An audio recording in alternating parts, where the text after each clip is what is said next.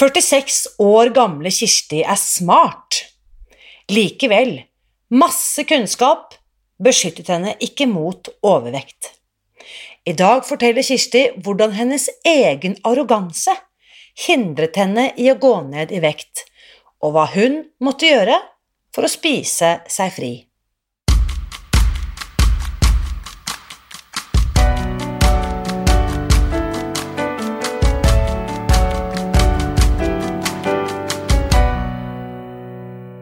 Mitt navn er Irina Li. Jeg er journalist og forlegger, gründer og sosialentreprenør. I 2015 spiste jeg meg fri fra overvekt og fedme etter å ha slitt med vekt, kropp og følelser i nesten 30 år. Etter at jeg fant oppskriften på å spise meg fri, ga jeg meg selv et nytt oppdrag å dele denne kunnskapen med alle som trenger det. I første sesong av denne podkasten deler jeg hele lydboken Spis deg fri, den finner du ved å bla deg tilbake til høsten 2019. Og hver uke inviterer jeg nå gjester som gir deg påfyll til hodet, hjertet og magen. For min visjon er å endre Helse-Norge, og det får jeg ikke til alene.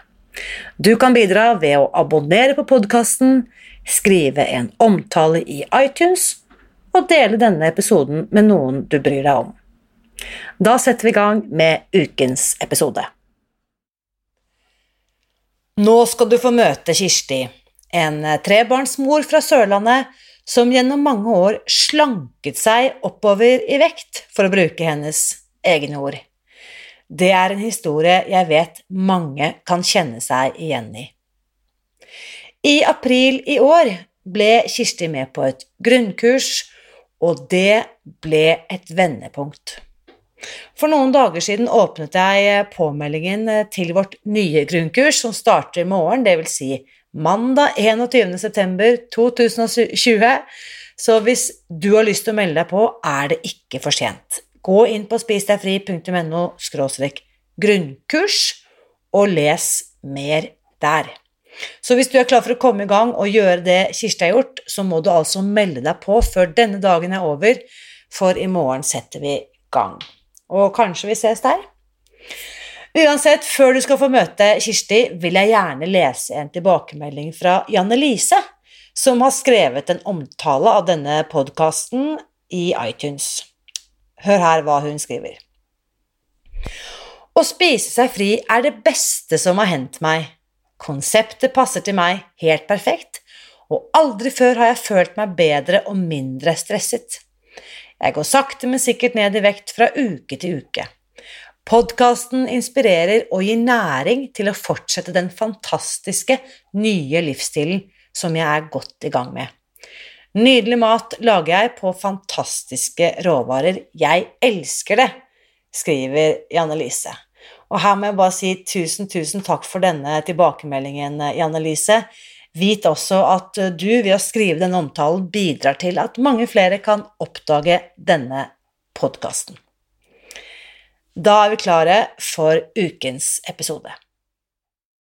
Kjære Kirsti, tusen takk for at du ville være med. Selv takk. Det er spennende. Dette er veldig hyggelig. Og for de som ikke kjenner deg, Kirsti, um, si noen ord. Eh, vi kan jo begynne med hvor i, hvor i landet er du? Jo, jeg bor helt i sør, det kan dere sikkert høre på dialekten. Jeg bor i Kristiansand. Jeg er 46, snart 47 år gammel. Har tre barn, er skilt og har en kjæreste. Og mm. full jobb. Mer enn full jobb. Med andre ord, du kjeder deg ikke? Nei, jeg gjør ikke det. Og så må vi rett og slett eh, avsløre at det er jo Spis deg fri da, som har brakt oss to sammen, og vi har møttes eh, på denne måten før, via Zoom.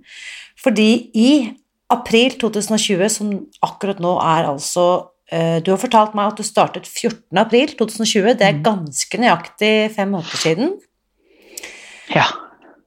Hva skjedde da? Hva var det som gjorde at du nå fant ut at uh, nå skal du hoppe på og spise deg fri?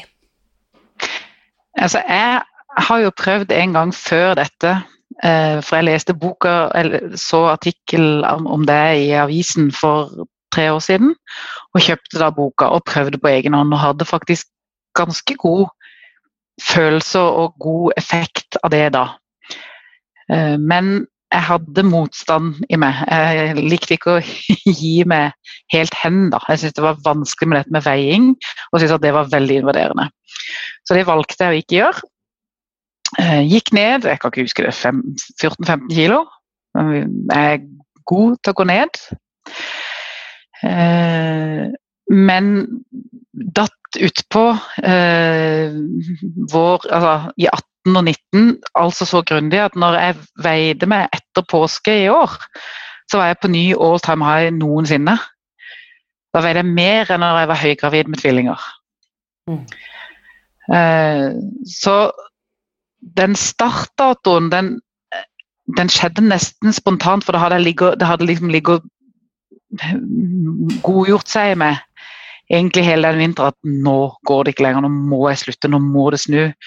Uh, og jeg tenkte hver morgen at uh, i dag skal jeg spise sunt, og så til lunsj så sprakk jeg med vafler og kake ute i ganga på jobb og is på vei hjem fra butikken. og så Det, det sprakk liksom hele tida. Mm. Så det var en sånn veldig følelse at nå, hvis ikke jeg gjør noe nå, så må jeg ta en slankeoperasjon eller et eller annet, for dette er farlig. Mm. Kan jeg spørre deg hva du da veide etter påsken 2020 på din all time high? Ja, 117,1. 117,1 kilo. Mm. Hvilken følelse har Kirsti den påskemorgenen som ikke slukket sorgen, holdt jeg på å si, men som, der du står på badevekten og ser det tallet, 117,1. Hvordan føles det? Jeg ble nesten kvalm, kan jeg huske. For jeg har jo vært høyt i vekt før, men dette var på en måte såpass mye mer enn sist. Så den der følelsen at jeg har på en måte slanka meg oppover i vekt, det var en enorm skamfølelse for liksom, hvordan kan jeg ha gjort dette mot meg sjøl. Jeg mm. oppfatter meg som en person som har styr på livet mitt. Jeg er en person som får ting til. Jeg er en person som gjør det jeg trenger å gjøre for å få nå målene mine. Og så når det gjelder mat, så har det bare blitt verre og verre og verre uh, siden ja, eller ja, de siste ti årene. Veldig mye verre. Mm. Så en enorm skamfølelse er kanskje det aller største. Så du forteller da at du eh, forsøker for tre år siden, når du hører om Spis deg fri for første gang, og leser boken og skjønner på en måte konseptet. Hva ja. er det eh, som gjør deg nysgjerrig på metoden i utgangspunktet? Ja, altså eh, Jeg hadde jo også før det igjen hatt ganske stor suksess med å gå ned mye vekt med lavkarbo. Uh, low carb, high fat, faktisk. Uh, hvor, hvor det også har tatt meg ned 20 kg i vekt, f.eks. Altså, det er voldsomt godt dreven på å gå ned mye i vekt. Men, men det sprakk liksom alltid. At, og, da, og, da, var det alltid den der copyfooden. Altså sånn kaker som ikke er kaker, og alle sånne merkelige løsninger som på en måte skal gi deg muligheten til å spise søtt, selv om ikke du spiser søtt. Som gjorde at jeg datt utpå. Og, der, og den der what the hell-effekten i den fasen der var ganske stor. at hvis du brøyt ketosen, så var det, liksom, da var liksom alt kjørt. Da kunne jeg like å spise som en gal i en uke før jeg gikk inn igjen i ketosen. Så det jeg likte med dette, var at um, jeg, eller hva var det jeg likte? Jeg likte at jeg kunne spise frukt. Jeg tenkte Det er jo helt sykt å ikke kunne spise frukt. Det, det kan jo ikke være riktig for mennesket å ikke spise grønt og frukt. Så, så, når jeg hørte om det, det, opplegget her, så tenkte jeg at det her er jo mye av de samme prinsippene. altså Mye av det jeg vet virker. Ikke spise sukker, ikke spise mel. Men det er liksom ikke det der litt sånn perverse med at du skal dynge på med, med fett, og, og at, liksom, at, frukt plutselig er noe galt. Så mm det var det. Det var det som opprinnelig tiltrakk meg. Så øh, kunnskapen eller teoriene, det skjønner du på en måte make sense, det høres fornuftig ut. Du har testet noe tilsvarende eller noe i den gaten tidligere som du vet har gitt effekt, og du setter i gang. Hva er det da som gjør at du likevel ikke får det til, selv om du på en måte tilsynelatende har tilgang på kunnskapen? Ja, det har jeg jo tenkt mye på. Den derre innebygde arrogansen som bor i meg, da, hvor jeg tenker at at kunnskap, og at jeg er smart og at jeg kan ting, at det beskytter meg. Men det har ikke beskytta meg mot overvekt. Det har ikke beskyttet, altså Uansett hvor mye jeg har lest og visst, så har det ikke beskytta meg mot overvekt eller fedme eller overspising eller nesten sånn voldsom binging, da. Mm. Så det å, å, faktisk si høyt til meg sjøl, som en alkoholiker, at jeg er avhengig, jeg trenger hjelp, jeg er faktisk syk, det er ikke bra. Eh, det jeg holder på med, er, kommer til å skade meg. Eh, den satt langt inne, altså. Og det er så ubehagelig å innrømme. Jeg har liksom sammenlignet det med en sånn en følelse av at jeg må liksom bare kaste inn håndkleet. Jeg må bare innrømme at jeg er At jeg ikke har kontroll. Jeg må rett og slett liksom gå ned i knestående og bare overgi meg og si at dette her fikser jeg ikke på egen hånd. Og det var det Jeg, jeg var med på det webinaret da, som du hadde før forrige ja, oppstart. I, I april, ja. Mm. I april. Og det du sa da, var vel det som på en måte Det husker jeg ennå veldig sånn, det satt veldig i magen. Du sa at eh, overspising eller sukkeravhengighet, det, eller avhengighet i det hele tatt, da, det er en, en, sykdom i ensomhet. Altså det, at du skjuler det. Og, og det, det gjorde også veldig vondt, fordi at jeg har jo skjult hvor mye jeg har spist. Folk rundt meg sier jo sånn men du spiser jo ikke så mye. Så tenker jeg, Men man går jo ikke rundt og blir 117 kilo fordi man spiser lite. Altså, Sorry, men sånn er ikke verden. Og kjæresten min husker jeg sa til meg at men det er jo ikke så annerledes enn meg. Og så tenkte jeg nei, ikke når du ser meg. Mm. Jeg spiser jo ikke som en gal når du ser meg. Så den der ensomheten og, og, og på en måte den bortgjemminga av at jeg, at jeg, spiser i smug, da. Um, det var òg vondt å innrømme. Det er veldig ubehagelig. altså Det er flaut. Jeg har ikke lyst til å si det høyt. Nå, bare nå så kjenner jeg på skam når jeg sier det, selv om nå har jeg akseptert at det er sånn. Men ennå så får jeg sånn varm skamfølelse i magen når jeg sier det nå. Mm.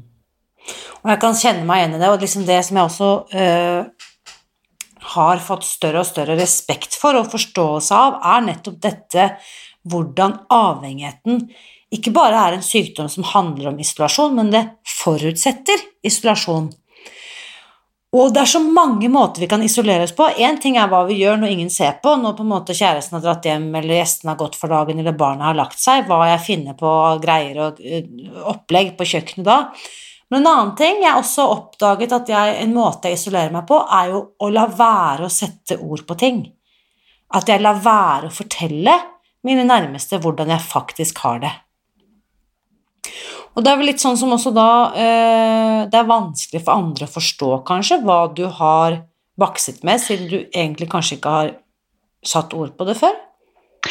Nei, for jeg har ofte eid kroppen min ganske godt. Jeg har på en måte bygd opp et, et image på at jeg har jo aldri vært liten eller slank som voksen.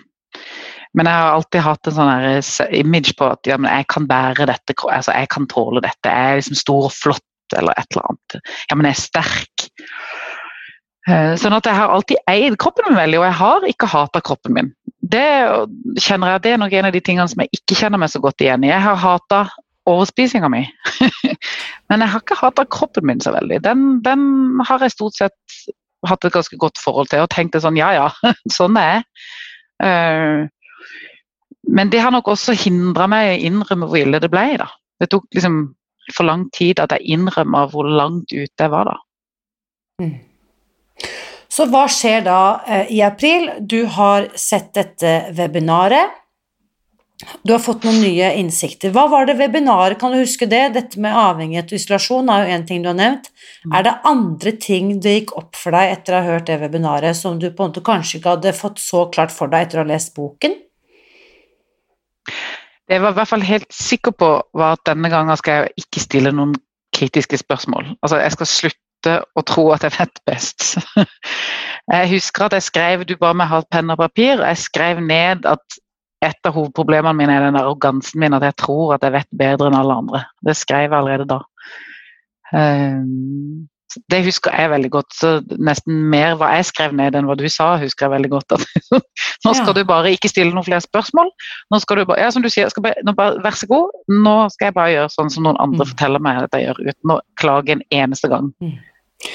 over det. Og bare for, å, bare for, å, ha presisert det, Eh, jeg sa da ikke til at du ikke skulle stille kritiske spørsmål, for det er jeg stor Nei. fan av, men det, det jeg bare oppmuntrer til, er å for å få størst mulig utbytte, og det tenker jeg også hvis man hører på podkasten eller ser noen livesendinger eller er med på webinar, å sitte på bakerste benk med armene i kryss og tenke sånn Det der har jeg hørt før, det der kan jeg, det der tror jeg ikke noe på. Den eneste man på en måte sensurerer fra å ha en genuin uh, aha-øyeblikk, er jo seg selv. Mm. Um, og jeg vet også at for noen trenger å erfare det du har gjort. Erfare at jeg ikke får det til på egen hånd, eller møte meg selv i døren, eller det som jeg ofte litt kjærlighetsfull refererer til å ta noen strafferunder, da. Det er jo ikke sånn at det har vært bortkastet. Jeg tror jo på alle erfaringer vi gjør oss. Jeg tenker jo at det har verdi. Som gjør at det kanskje blir litt mer ydmyk, eller litt mer mindre arrogant, eller litt mer åpen for innspill, eh, som det også høres ut som disse tre årene har eh, gjort for deg, da. Det har det, men så er det også noe med den, den forståelsen at du må faktisk erfare. Det er ikke alt du kan lese deg til. Altså det, å faktisk gjøre har mye større verdi enn å, å lese eller å forstå eller altså. Så det jeg også bestemt meg for, var å være ærlig med en gang, og bare liksom komme med alt med en gang. Og, og, og, og bare begynne å ikke, ikke, ikke overbevise noen andre, f.eks., men bare, bare begynne. Show, don't tell. Mm. Så hva, var det du, hva er det du da gjør eh, etter å ha vært med på dette webinaret i april? Hva er det du da konkret gjør annerledes denne gangen, eh, Kirsti? Eh, denne gangen, det gjorde jeg ikke sist, denne gangen skriver jeg matplan. Altså jeg gjør det, det som ble anbefalt, nemlig å skrive ned hva jeg skal spise neste dag. Det har faktisk gluppet litt de siste, de siste ukene, så det, den kjenner jeg på sånn, litt, sånn litt faresignal om jeg passer meg litt på. Det gjør jeg nå har det blitt litt sporadisk. Jeg har ikke brutt linjene for det fordi det er så automatisert, men der tror jeg nok at den der, og det vet jeg ikke helt hvordan jeg skal håndtere det. da, den der sabotør, Er det sabotørsnakk når jeg er i stand til å håndtere det uten, uten matplan, eller er det faktisk så automatisert at det ikke koster noe lenger? ikke sant? Det, er litt utrygg på den, men jeg har nok i hvert fall sagt til meg sjøl at nå, har jeg, nå er det så automatisert at jeg trenger det ikke. Men og det har gått bra, men jeg merker jo da at da fyller det litt mer. For da må jeg konsentrere meg litt mer. Ok, hva skal jeg lage nå? Eh, hva skal jeg spise nå? Det, det, det, det, er mye bedre når jeg ikke gjør det. Skriver matplan hver kveld før jeg skal legge meg, og så bare gjør det neste dag. Det, var, var, helt superviktig i begynnelsen. Mm. Voldsomt viktig. Fordi det du da også gjorde i april, det var jo å melde deg på dette grunnkurset. Ja, ja, ja selvfølgelig. Ja. så hvorfor gjorde du det?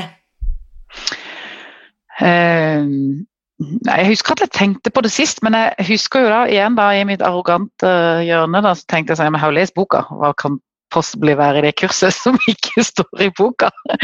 Eh, og, og, det jeg ikke skjønte, var at boka jo, har jo med seg veldig mye av poenget, men, men, men det, er, det, er, på en måte bare på overflaten. Og det dette kurset gjør, det tar deg gjennom hele den mentale reisen. Det tar deg, det tvinger deg, eller, eller tvinger Det, det lokker deg inn i å være ærlig med deg sjøl på et nivå og på en måte med, med en grundighet som en aldri finner på å orke alene. Og det er for vanskelig. og det, Du trenger veiledning for å få det til.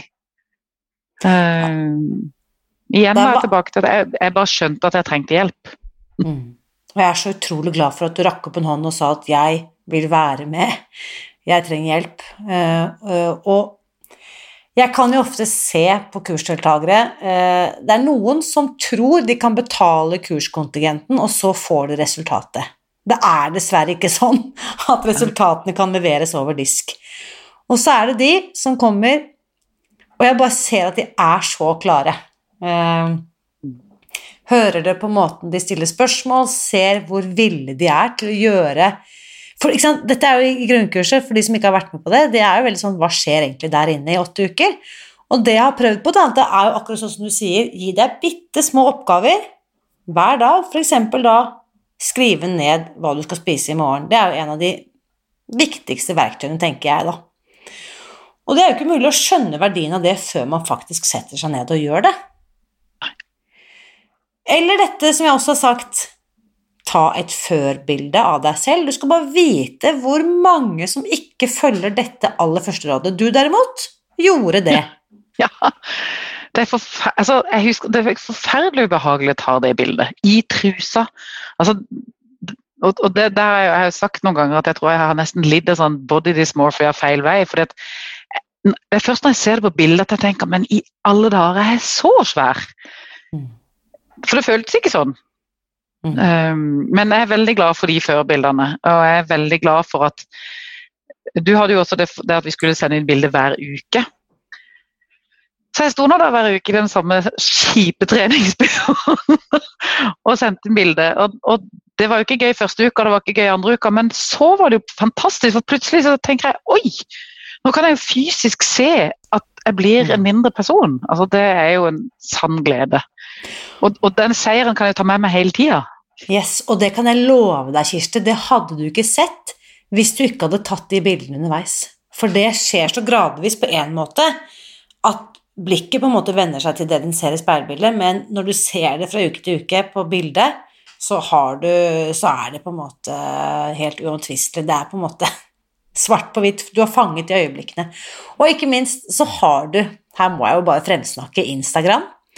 Du deler altså fra reisen din på Instagram under kontoen Vollisfri. Ja, det var òg veldig bevisst. Det er også en sånn taktikk nesten for å liksom ikke kunne lure meg unna, da. For når det står der, når det er så mange både som jeg kjenner og som jeg ikke kjenner, som på en måte følger med på hvordan det går, så har jeg jo ikke altså, Da tenker jeg meg om en ekstra gang før jeg, før jeg bryter linjer. Um, pluss at det er Ja, så det er en sånn accountability som ligger i den der Instagram-kontoen. Yes. Og accountability på en norsk oversettelse av det ordet er jo rett og slett ansvarliggjøring, eller ansvarlighet. Og det er så fantastisk det du sier, for dette har vi støtte fra i forskningen. Det å forplikte seg, først i møte med seg selv, men også overfor andre, og si at det er dette jeg gjør nå, da øker sjansene for å lykkes.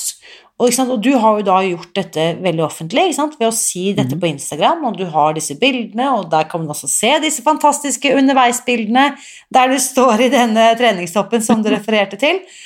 Og fint undertøy innimellom, og det er eh, bilder fra hverdag og jobb og reiser og altså Det jeg syns er så fantastisk, er å kunne se hvordan du ufarliggjør dette, og vise hvordan det er kompatibelt med ekte liv, eh, ekte hverdag. Og jeg har også bestemt meg veldig for at jeg også deler når, når jeg ikke gjør det så bra, når jeg ja. spiser feil, og når jeg, jeg legger ut måltider som ikke er i det hele tatt perfekte etter planen noen ganger òg. Ja. Fordi at noen ganger så blir det ikke helt sånn som jeg, sånn som jeg vil. Uh, sånn at jeg, også, jeg, ikke, jeg, sensurerer ikke meg sjøl på at dette måltidet er ikke spist, for det er den der instinktet mitt vil jo gjemme meg. Og den der gjemminga er en del av avhengigheten. Det, det, å lure seg unna er en del av avhengigheten. Så jeg gjør alt jeg kan for å også poste de bildene hvor jeg vet at det ikke er riktig mengde, f.eks. Ja. Og så skriver jeg det. Her er det ikke helt riktig, men det var sånn det ble. Og vi gjør så godt vi kan, og ingen av oss gjør dette perfekt. Jeg er så, så glad for at du på en måte er en uh, talskvinne for. Og um, det jeg da lurer på Du har til nå uh, Vekttapet ditt til nå, uh, Kirsti, siden du begynte 14.4. I dag er det fem måneder etterpå. Ja, altså jeg, jeg sjekka på dagene, da. Nå er det skal vi se, hvor mange dager er det? 156 dager eller et eller annet sånt. Uh, så har jeg gått ned Jeg har faktisk gått opp en kilo siden jeg skrev juhu 24, så nå er det 23. Men det er ikke så farlig. Uh, jeg gikk tre dager nå på, på konferanse og uh, sitter opp om natta. Jeg har sittet med sånne forhandlinger, i, sånn lønnsforhandlinger hvor det skjer jo alltid på natta.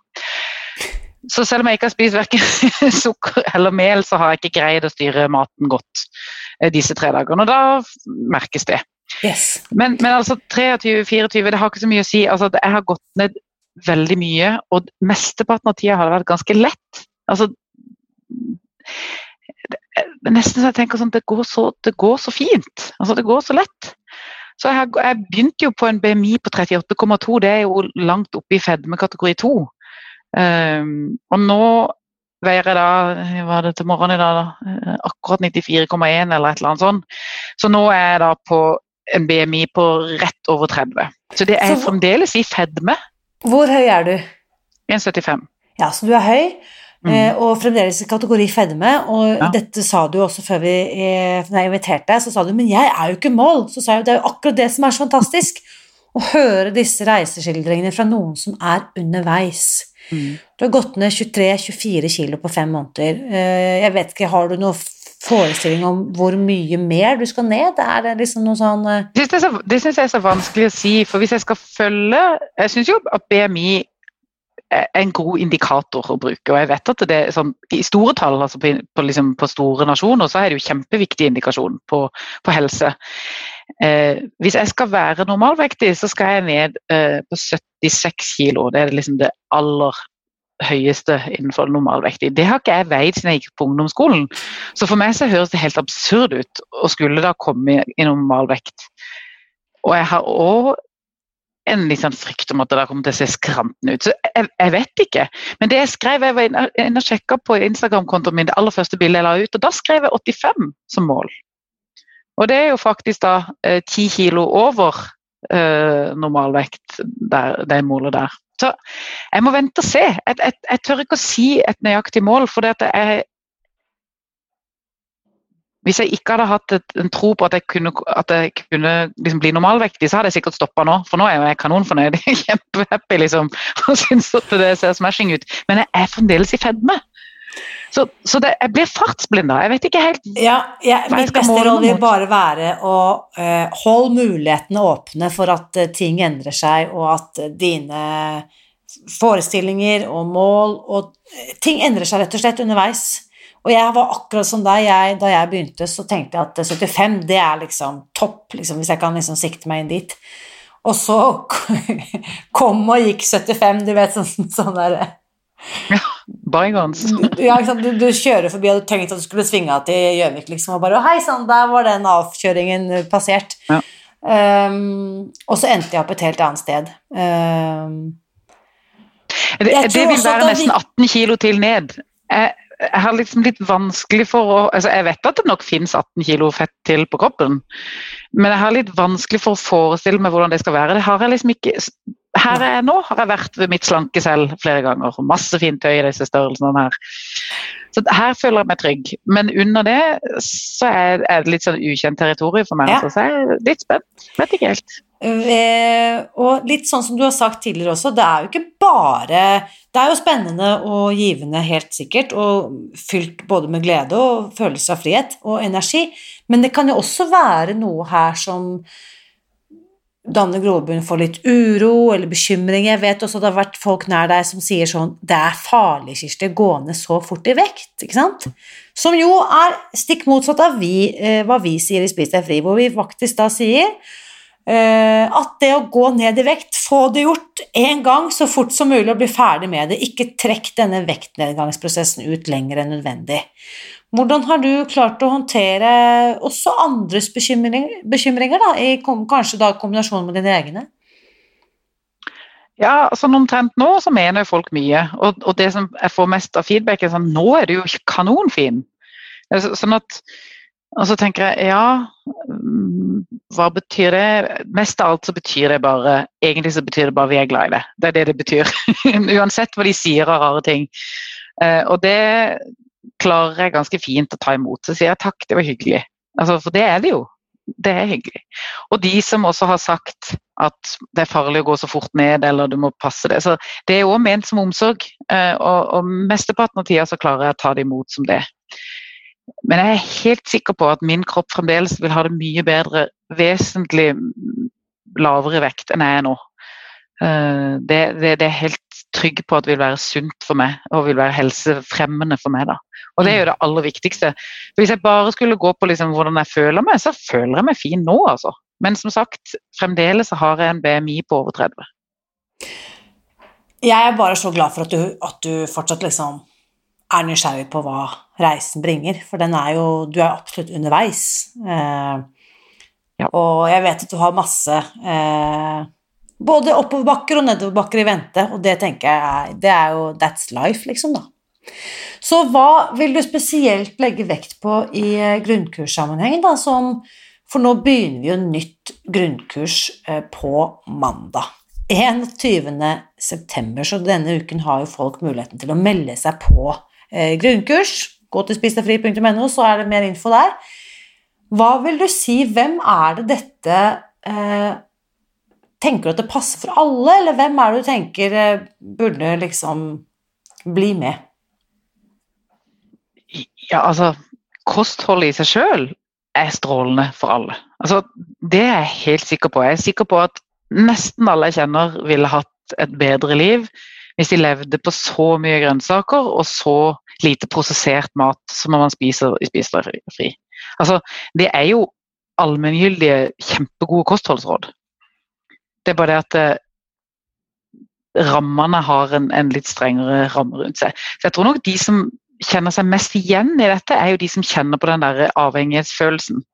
Men det går jo fint an å bruke dette også hvis du ikke er veldig overvektig, sånn som jeg var. Eller er fremdeles. og, og, det går jo fint an å bruke dette. Vi, jeg hadde noen på det grunnkurset som jeg ble kjent med, som, som ikke kjente seg igjen i den avhengigheten i det hele tatt, og bare hadde lyst til å ned ti kilo.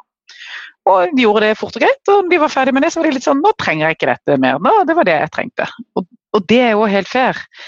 Eh, men de fleste møter, har jo her inne i liksom, dette universet, har jo slitt lenge og, og, og sliter fremdeles med liksom å, å si, håndtere sine egne, sine egne, tanker omkring mat i en eller annen form. Uh, og det fellesskapet som, som, det gir, da, at ikke du er alene om det, at det faktisk ikke er spesielt unikt. Det er ikke få som har det sånn, det er mange som har det sånn. Uh, så for, det, for, de som sitter og lurer på om de skal tørre å dra på kurs, så vil jeg bare si det, det vil du aldri angre på. Det er en enormt investering i deg sjøl og din egen helse. Og så er det en veldig spennende sånn selvutviklingsreise, da. Det er jo veldig mye mer enn et slankekurs. Jeg har gått på Grete Rode og alt mulig. og det, Dette her er jo noe annet. Det er jo ikke et slankekurs. Det er jo et selvutviklingsprogram.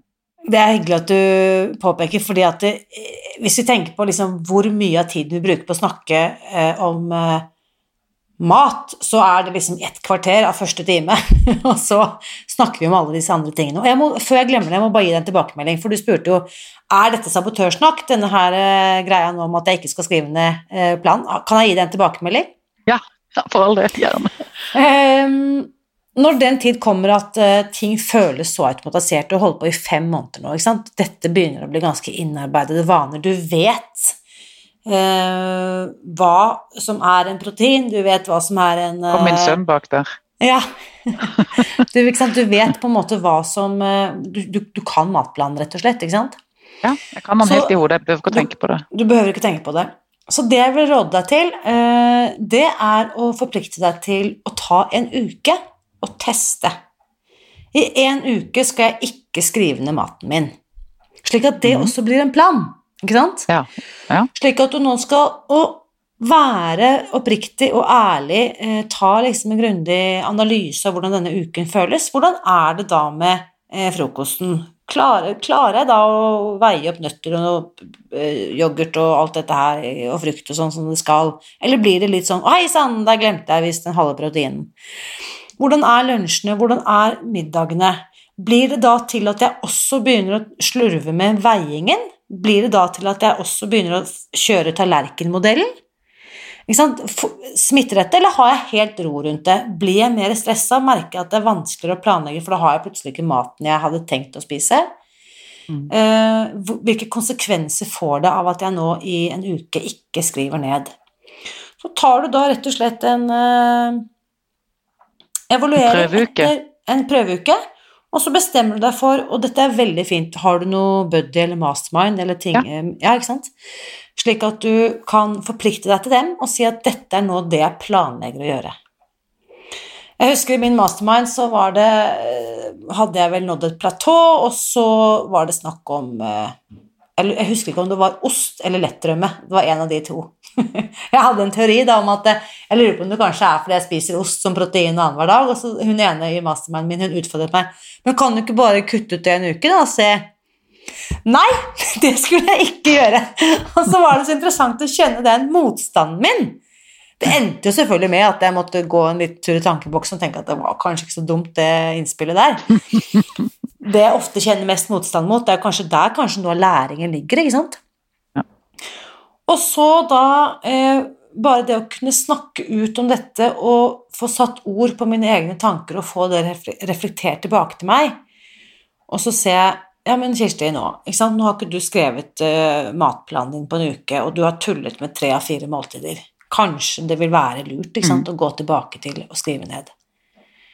Så vi bare jeg har evaluerer. Jo hatt noen, jeg har hatt en del dager hvor jeg ikke har skrevet, hvor det har gått veldig fint, hvor jeg har veid. og jeg har jo akkurat vært eh, på sånn jobbreise i tre dager, og jeg hadde ikke med meg vekta. Det lurte en stund på om jeg skulle, men så gjorde jeg ikke det. Jeg følte det ble vanskelig.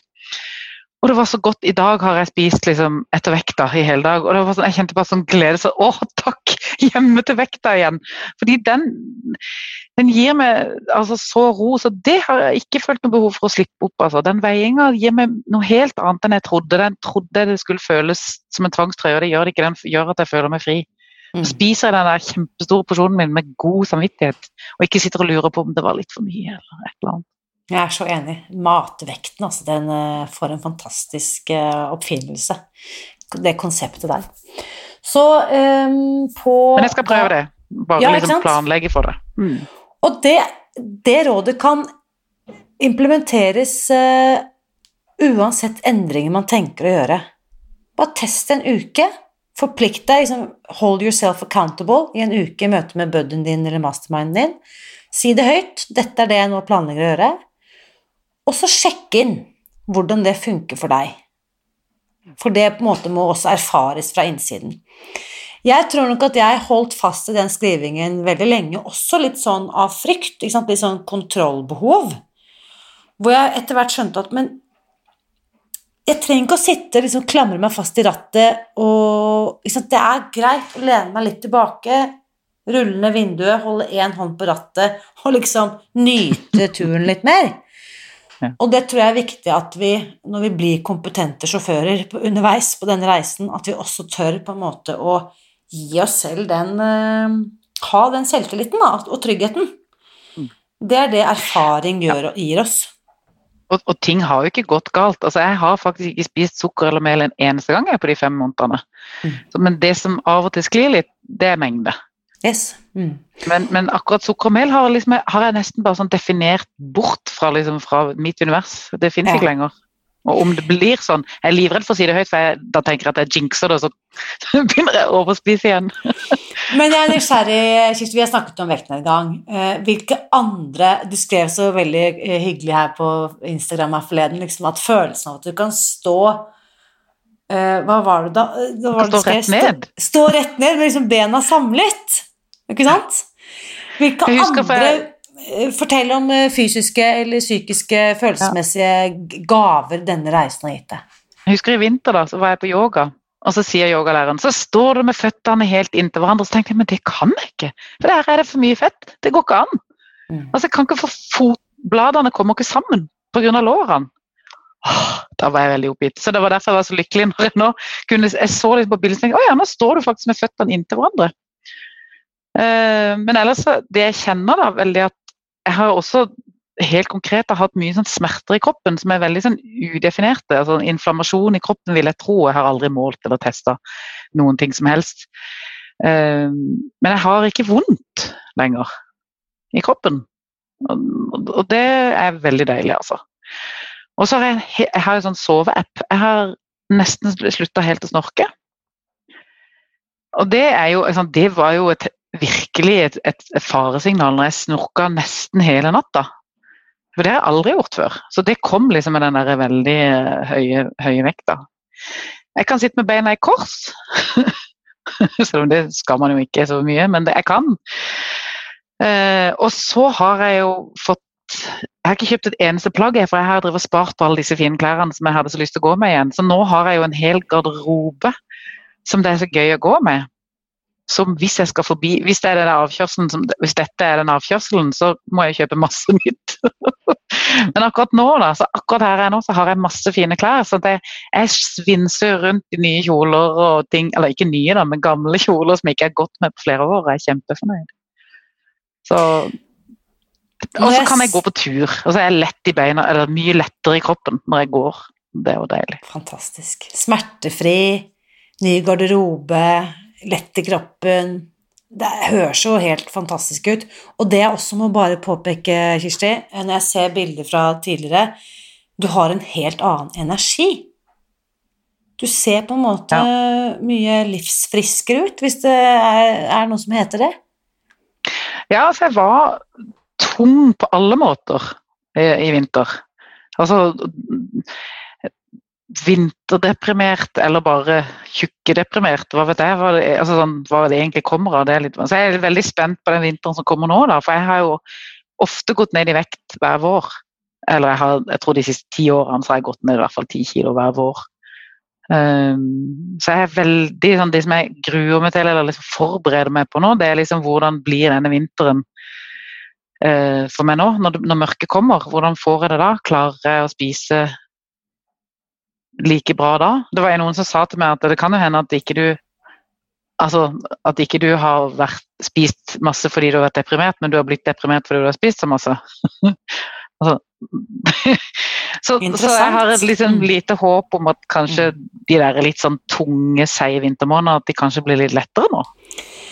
Jeg leser jo Liker å lese Det er en Han kalles liksom den moderne eh, altså mindfulnessens far, eh, Tiknat Han, eh, og han har noen sånne små eh, bøker til ettertanke med, med, små, korte tekster som oppmuntrer til mindfulness. Og han sier når du spiser maten din, så uh, går det an å fylle liksom hver munnfull med takknemlighet. Uh, takknemlighet til bonden som har dyrket dette kornet. Takknemlighet for regnet som har regnet og liksom skapt markens grøde. Takknemlighet for solskinnet som har ført til at disse vekstene har spiret og grodd. Så for hver munnfull så spiser du kjærlighet til bonden, du spiser regn, du spiser sol. Og så tenker jeg sånn det er jo ikke rart at man blir litt sånn euforisk når man begynner å fylle kroppen med denne typen matvarer, som er fylt av liksom markens grøde, regn og sol, og vind og vår, ikke sant? Så jeg tenker også at vi gir oss selv påfyll til Jeg tror rett og slett det vi også spiser, bidrar til at humøret vårt løftes. Og vi vet jo fra forskningen sugar is a depressant. Mm. Man blir depressiv av å spise sukker. Så når vi altså, kutter ut sukkeret Jeg er helt sikker på at det er sant. Mm. Ja. Så vi kutter ut sukkeret, så blir det jo lysere. Mm. Jeg blitt, blir inspirert av alt mulig når jeg leser lese masse mat. og Akkurat nå er en av mine i mastermind-gruppa mi kan mye om mikrobiologi, så vi har satt oss inn i dette med mikrobiom i tarmen, og, og hvordan dette med at, at de, de, organismene i tarmen som skaper de gode eh, Hvilket hormon er det? Jeg har glemt hvilket hormon det er i farta. Serotonin. 90% av serotoninet, som er det som gjør at man føler seg glad, lages i tarmen når du gir tarmen fiber. Yes. Og hel, hel, mat. Sånn at du, det er faktisk sånn at du kan spise deg mer lykkelig og spise deg ut av depresjoner. Eh, og det, det, er så konkret at da blir jeg så utrolig fornøyd. Så tenker jeg, jøss, hvorfor Igjen da, da, da, er jo kunnskap gøy å ha. ikke sant? For da tenker jeg at det kan jeg jo kjenne. Jeg kan kjenne hver eneste dag. Og dette er akkurat det vi snakket om innledningsvis. Ja, det hjelper med kunnskap, men du har ikke erfart det hvis ikke du faktisk har spist sånn og opplevd dette fra innsiden. For én ting er å skjønne det teoretisk, en helt annen ting er å faktisk erfare det. Mm. Og oppleve hvordan det føles da å spise seg fri. Fri og glad. Som, fri og glad og frisk og ikke sant, lett. Um, for de som har sin påskemorgen nå, eh, Kirsti, som ser dette, og de har gjennomgått et halvår med korona og fandens oldemor, og, ikke sant? og ikke gleder seg til at mørket nå kommer snikende utover høsten. Hva er det du vil si til hun eller han som hører deg fortelle dette? Jeg vil si bare begynn, for det at dagene går allikevel. Tida går allikevel, og tida mm. kommer til å gå om du gjør dette, eller om du sitter og spiser is. Så bare begynn. Bare prøv. Fantastisk. Dette er jeg så glad for at du forteller, så jeg vil bare si tusen, tusen takk. Selv takk. Jeg er veldig glad for at jeg har funnet det og spist deg fri. Nå lurer jeg på, hva tenker du etter å ha hørt min samtale med Kirsti i dag? Både hun og jeg er med i den åpne Facebook-gruppen Spis deg fri, og vi vil gjerne høre fra deg. Du finner oss ved å søke opp Spis deg fri på Facebook og bli med i gruppen, som er åpen for alle. Fortell oss gjerne hva du kan kjenne deg igjen i etter å ha hørt eh, Kirstis historie, eller andre innsikter du tar med deg etter å ha lyttet til eh, dagens episode. Og hvis du er nysgjerrig på å lære mer av hva du kan gjøre for å spise deg fri, eller nå innser at eh, de strategiene du har valgt, så langt ikke har gitt deg de resultatene du drømmer om, så vil jeg på det varmeste oppmuntre deg til å bli med på grunnkurset som starter nå. På dette kurset vil du lære en helt annen tilnærming til vekt og mat og kropp og følelser enn det du har eh, funnet noe annet sted, det kan jeg love deg. Det er også derfor de som følger dette opplegget, faktisk får resultater som varer. Så meld deg på grunnkurset ved å gå til spisdegfri.no grunnkurs, eller eh, sjekk ut eh, episodeomtalen i eh, iTunes, hvor jeg også har lagt inn eh, link til eh, dette, eh, til dette kurset. Bare husk å gjøre det med en gang, for påmeldingen stenger altså i kveld, dvs. Si søndag 20.9. klokken 23.59. Så hvis du hører dette sent søndag kveld, så ta det som et tegn. Det er ikke for sent. Du kan fortsette, fortsatt melde deg på. Og neste søndag, da har jeg en helt spesiell gjest som jeg har gledet meg til at du skal få møte. Jeg kan vel egentlig si, si det så sterkt at uh, denne podkasten hadde ikke eksistert hvis det ikke hadde vært for uh, henne. Søndag om en uke skal du nemlig få møte grunnleggeren av Brightline Eating og forfatteren av boken Spis deg fri, nemlig the one and only Susan Pierce Thompson. Hvis du allerede har lest eh, boken eller lyttet til episode fire av denne podkasten, så vet du også at hun har utviklet en eh, interaktiv test hvor du kan finne ut hvor avhengig du er av mat eh, på en skala fra 1 til 10. Og hvis du er nysgjerrig på å finne ut hvor du havner på denne skalaen, så kan du gå til spisdegfri.no test og få svar i løpet av få minutter.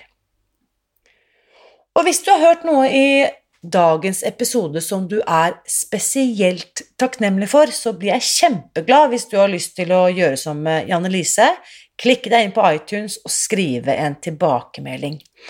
For som du vet, eh, mitt motto er at gode nyheter er skapt for å deles, og når du skriver en omtale av podkasten, så bidrar du til at flere kan oppdage alt det viktige vi snakker om her. Husk også at jeg heier på deg. Alltid.